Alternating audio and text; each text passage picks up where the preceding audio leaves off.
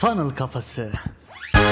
Merhabalar, merhabalar, merhabalar. Funnel Kafası podcast serisi 50. bölüme hoş geldiniz. Ben Hasan. Ben Emre. Bu bölümde size NFT'leri anlatacağız. Yani non-fungible tokenlar. Tabi bunu anlatırken neye başvuracağız? Funnel kafasına. Öncelikle çok basit bir anlatımla bu non-fungible token yani değiştirilemeyen jeton ifadesi neyi anlatıyor buna bir bakalım. Blok zincir üzerinde tutulan mülkiyetin ya da varlıkların gerçekliğini, sahipliğini ve kıtlığını kanıtlayan bir belirteç bu aslında. Resim, müzik, video, fotoğraf, gif ve benzeri bunların hepsini bu kategorinin içine alabiliriz. Daha açık bir örnek vermemiz gerekirse ne diyebiliriz? Emre abi sen küçükken taso ya da oyuncu kartlarıyla oynamış mıydın? Evet tasolarla tabii ki vakit geçirdim yani. Hem de iyi haşır neşir olduğum söylenebilir. Ha işte bak o dönemde bile nadir olan tasoların ya da oyuncu kartlarının herkes arasında ne kadar değerli olduğunu biliyorsun değil mi? NFT'nin de en temelinde yatan şey nadir olması, elde tutulmak istenmesi yani ona sahip olunma isteği. Belki bunların ileride değerleneceğini ya da bunlar vasıtasıyla yeni koleksiyonlara ulaşılacağı hissi bizim ilgimizi bu konuya arttırıyor. Burada NFT'leri anlamak için insanın temel motivasyonlarını, nadirlik, işte kıtlık, kıt olan şeylerin, az olan şeylerin insanın elinde bulundurma motivasyonlarını düşünmek lazım. Peki Emre abi buna girmeden önce NFT'lerin kopyalanma riski yok mu? Biz nasıl anlayacağız aldığımız şeyin orijinal mi, değil mi, değerli mi, değersiz mi? Neye göre karar vereceğiz?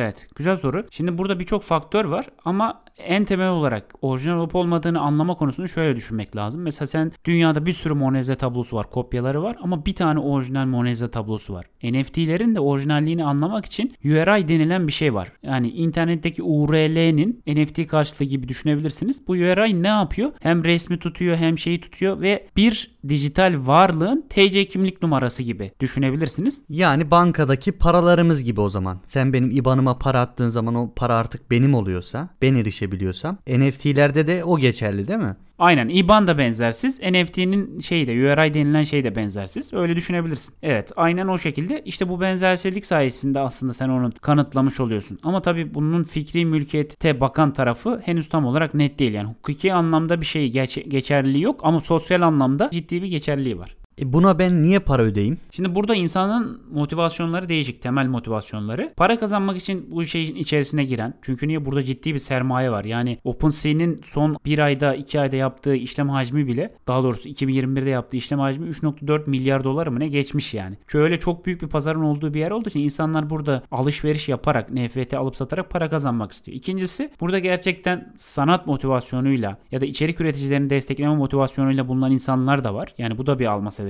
Üçüncüsü de ne? Koleksiyonerler var. Yani dünya üzerinde aslında zenginlerin bazılarının nasıl ki Mona Lisa tablosu vesaire gibi tabloları toplayan zenginler var. İnsanların da koleksiyoner motivasyonu tabii ki var. Herkesin var biliyorsunuz. Yani küçükken biz misket biriktirme bile şeyimiz vardı yani. Düşün öyle bir hobimiz bile vardı.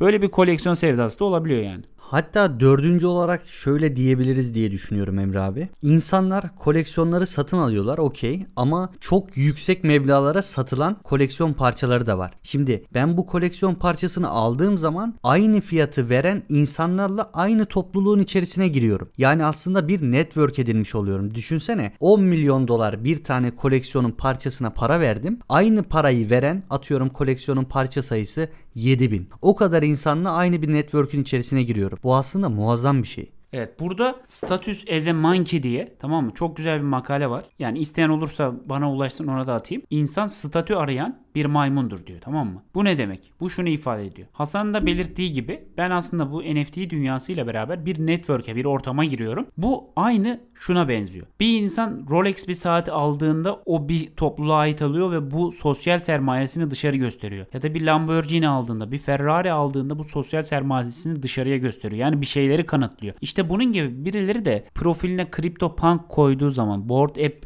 koyduğu zaman yani işte o sıkılmış maymunları koyduğu zaman aslında diyor ki bak ben bu topluluğun içerisindeyim. Bu çevrenin içerisindeyim. Dolayısıyla ne yapıyor? Sosyal sermayesini dışarıya gösteriyor ve bu sayede bir topluluğa, bir zümreye ait olma güdüsünü de tatmin etmiş oluyor. Bu insanın çok temel bir güdüsü. Herkes bir topluluğa ait olmak ister. Ne bileyim işte yükselen bir topluluğun, bir zümrenin içerisinde bulunmak ister. Onlarla aynı yerde anılmak ister. Dolayısıyla NFT'leri bu temel insan içgüdülerine bakarak değerlendirmek lazım ve işte Buraya saçılan milyonları da bu sebeple saçma bulmamak lazım. Anlamaya çalışmak lazım. Bunların dışında bir de ne var? Bu işin NFT'lerin yaratıcı ekonomiye bakan kısmı var. Yaratıcı ekonomiye bakan kısmı da ne? Zaten bizim son dönemlerde en çok gördüğümüz etkilerden bir tanesi de gücün organizasyonlardan ya da şirketlerden bireylere doğru aktığı bir yapı görüyoruz değil mi? Bireyler daha fazla güçlenmeye başlıyor. Yani tek kişilik milyon dolarlık belki milyar dolarlık Bitcoin bunlardan ilki mesela. Milyar dolarlık şirketler oluşabiliyor. Sanatçılar ya da üreticiler ne yapabiliyor? Ara bir işte Spotify gibi YouTube gibi kanallar olmadan doğrudan kitlesiyle temas kurarak gelir elde edebiliyor. Onlara bir şey sunup para kazanabiliyor. Bu yapılara baktığımız zaman da NFT'nin ne kadar önem kazandığını anlayabiliyoruz. Tabi burada ne var? Diğer işte çok büyük Web2'nin firmaları diyelim biz onlara. Adidas, Nike vesaire gibi firmalar da ne yapmaya çalışıyor? Pay almaya çalışıyorlar. Hatta dostlar şu an tarih ne? 21 Aralık Salı 2021'de bu podcast'i kaydediyoruz. Bundan 2 ya da 3 ay önce Emre abiyle birlikte toplamda 21 tane NFT satın aldık farklı koleksiyonlarda. Biz de şu an orada durumları gözlemliyoruz. Bu piyasa nasıl çalışıyor diye takip ediyoruz. Emre abinin dediği büyük firmalardan şimdi aklıma gelen Adidas mesela 30 bin eserlik bir koleksiyonu satarak 5 dakika içinde 6 bin Ethereum'luk bir hacme ulaştı dostlar. Yani şu anın kurunda Ethereum 4000 dolar. Bu ve bunun gibi konular bize neyi gösteriyor? Kitlenin önemini, değişen kültüre ve kitlelere ayak uydurmayı ve ne olursa olsun insanın temel motivasyonlarını anlamayı zorunlu kılıyor. Daha önceki bölümlerde de söylemiştik. Rolly Sutherland simya kitabında bundan bahsediyordu. Algoritmayı anlamaya çalışırken biz aslında insanları unuttuk diyor. NFT ve yaratıcı ekonomi de bize insanı anlamak adına önemli bir deney alanı sunuyor.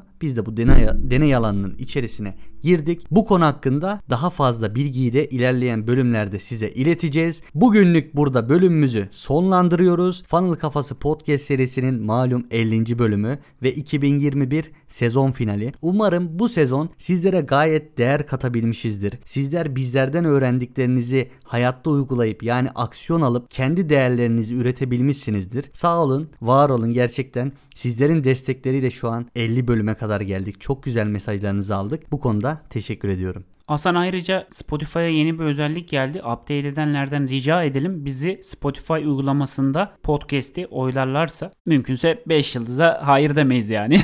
5 yıldız verirlerse Spotify uygulamasında memnun oluruz. Aynen 5 yıldız verirler ya. 5 5'in altında verenleri bulabiliyoruz Dörde de bu arada. razıyız. Size ulaşmayalım Dörde yani. de razıyız, Buna olsun. Evet birinci sezon finalini yaptık. İnşallah 100, 200, 300. bölümleri görürüz. Dünyada böyle podcastler var. Biz de onlardan olmayı ümit ediyoruz. Uzun seneler bu podcast'i insanlara değer katacak şekilde sürdürmeyi devam ediyoruz. Ben de 50'ye ulaştığımıza inanamıyorum ve gerçekten güzel güzel bir deneyim olduğunu düşünüyorum. Eğer bana ulaşmak isterseniz Instagram ve Twitter üzerinden Hasan İkine ile Bolukbas ulaşabilirsiniz. Sorularınız varsa sorabilirsiniz. Bana da Twitter üzerinden özellikle ED Doğaner yazarak ulaşabilirsiniz. O zaman Emre abi 50. bölüm sezon finali büyük bir coşkuyla ne diyoruz Emre abi? Yeni bir yıla kadar falan kafasından uzak kalmayın. Ve unutmayın bu hayatta hepimiz birer satıcıyız. Kendinize iyi bakın.